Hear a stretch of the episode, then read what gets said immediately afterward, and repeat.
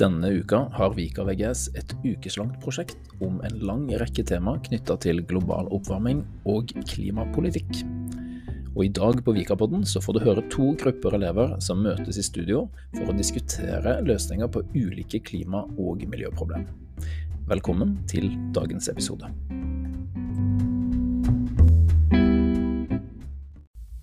Uh, vi på Personlig forbruk vi snakka om at uh, det er mange tiltak man kan gjøre hjemme. Fordi eh, ut av vi, har, vi, snakket om matsvinn, og sånn 56% av matsvinnet skjer i personlige hjem. Og hvis folk blir bedre på å ikke kaste mat man har hjemme, så vil det gjøre en stor forskjell. Ja, altså istedenfor Det er jo noe man kan liksom planlegge med både i hvert fall politikken. Altså at det er kanskje lettere å resirkulere og altså mat. Og at da kanskje at butikkene har mer, sånn, altså mer muligheter hvor man kan da liksom den appen til Good to go. da, At det er flere butikker som har sånn. Ja. Uh, så Istedenfor å kaste store mengder mat, da kan selge for en da billigere penge. da.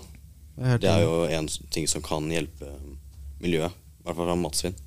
Ja, og så kan man jo starte opp sånn Hvis man har mye rester hjemme av mat man vet man ikke kommer til å bruke, så kan man starte sånn uh, på å selge til sånn steder der hvor folk trenger mat, de som ikke får så mye mat og har råd til det.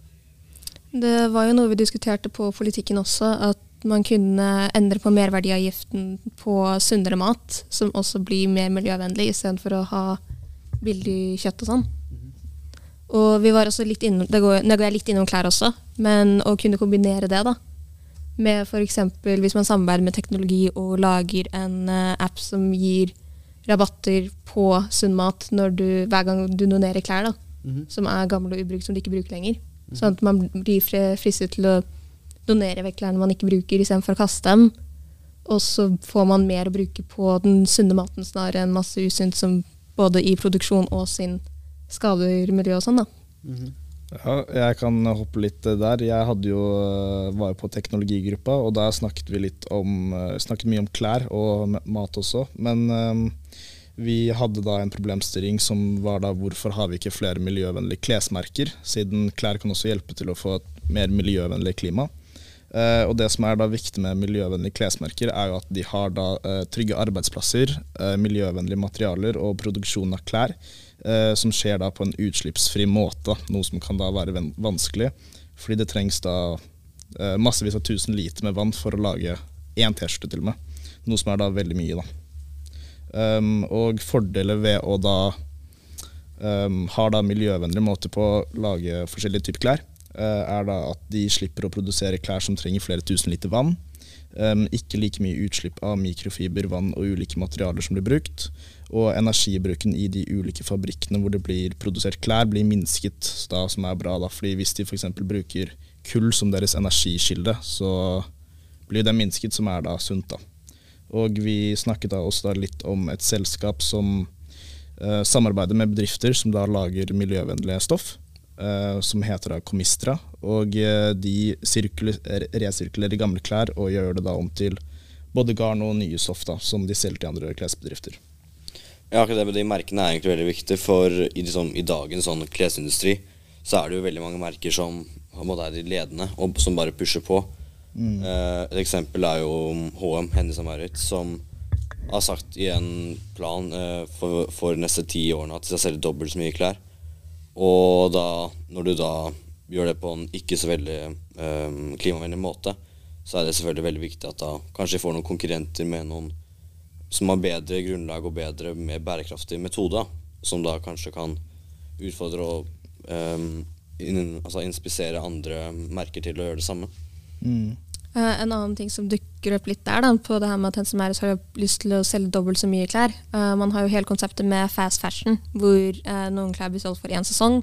Så flere folk blir fristet til å kjøpe det, og så har du det den sesongen, og så bruker du aldri, det aldri igjen. Da blir det jo veldig mye høyere produksjon, for folk kommer bare til å kjøpe og kjøpe. kjøpe. Mm. Norge har jo et innmari høyt klesforbruk. Veldig mye høyere enn det vi egentlig burde. Mm. Så det å da finne gode materialer er jo egentlig en veldig lur ting. Og hvis man også kan prøve å ha mer produksjon i Norge Vi har mm. kanskje én eller to fabrikker eller produsenter i Norge totalt.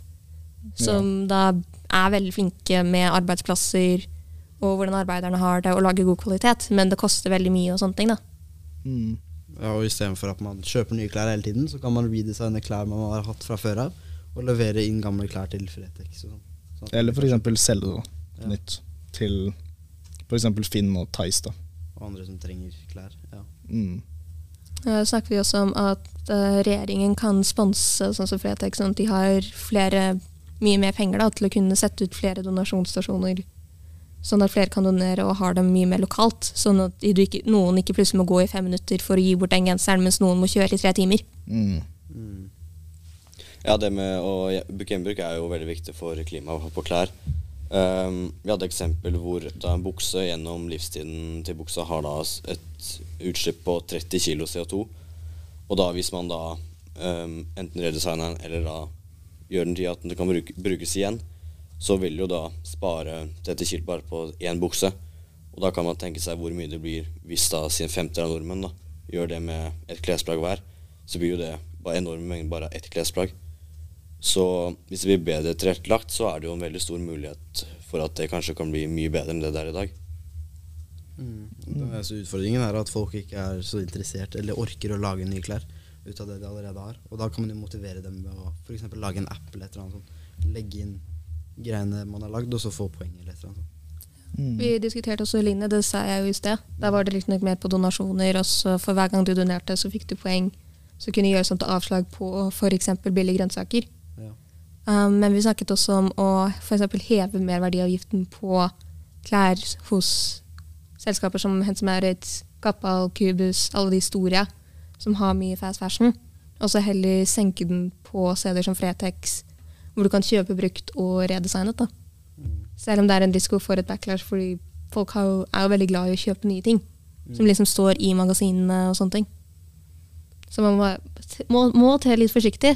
Men det er i hvert fall en bedre løsning, fordi da er det mer fristende å kjøpe brukt når det koster mindre. Er helt enig. Ja, Det er jo diskusjoner på det her med kjøttproduksjonen. da. Mhm.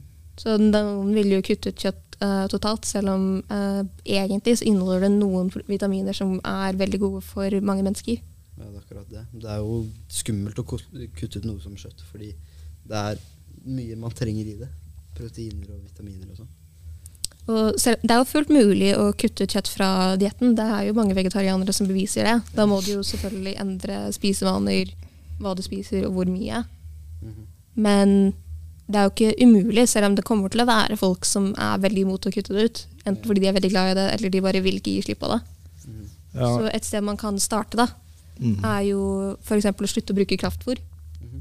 Fordi da kan man forminske produksjonen av soya som tar skade på regnskogen. Um, det er mye av kraftfôret som sørger for at uh, dyr har større utslipp enn de egentlig trenger. Og da kan vi bruke mer av de beitemarkene vi egentlig har tilgjengelige. Som også er et argument mange som vil ha kjøtt, bruker. Selv om det egentlig ikke er gyldig foreløpig. Mm. Så da kan man jo bli en mer naturlig og kanskje en lavere produksjon, men man vil fortsatt kunne beholde noe av kjøttet. Mm. Og så eventuelt avvikle det mer og mer. Jeg har jo sett at de har begynt å forske på eh, laboratordyrket mat, som f.eks. kjøtt. Og da kan de jo teoretisk sett ha så mye proteiner som de har lyst til, og like mye kalorier. Så det kunne vært et eventuelt forslag da, om å få ikke drepe så mange dyr og ikke bruke så mye kjøtt, og heller bruke det. da. Og da kunne man jo også eh, begynt, sånn sakte, men sikkert begynt å forminske produksjonen av storfekjøtt sånn som vi har den nå. Og først gjøre den mer, eh, nå sier jeg det litt i heimtegn naturlig. Mm. Med å da kutte ut kraftfôr og bruke naturlige beitemarker. Og så etter hvert som da den produksjonen av eh, kjøtt i lab og sånn blir bedre og bedre, så kunne man kunne avvikle og til slutt erstatte det. da. Mm. Ja, og det med kjøtt er ikke det eneste viktige. Det er jo det at mange kaster mat, og butikker kaster mat. Men heldigvis, så eh, om, i, om, i 2020 så ble det omtrent kastet 85 kilo spiselig mat. Men nå, eh, og i fjor fant vi ut at eh, det ble kastet 10% mindre enn det det ble i 2015. da. I 2020, liksom. Det kastes 10% mindre enn det det gjorde i 2015. Så det er jo et steg videre. Mm. Så lære fra det og ta det videre.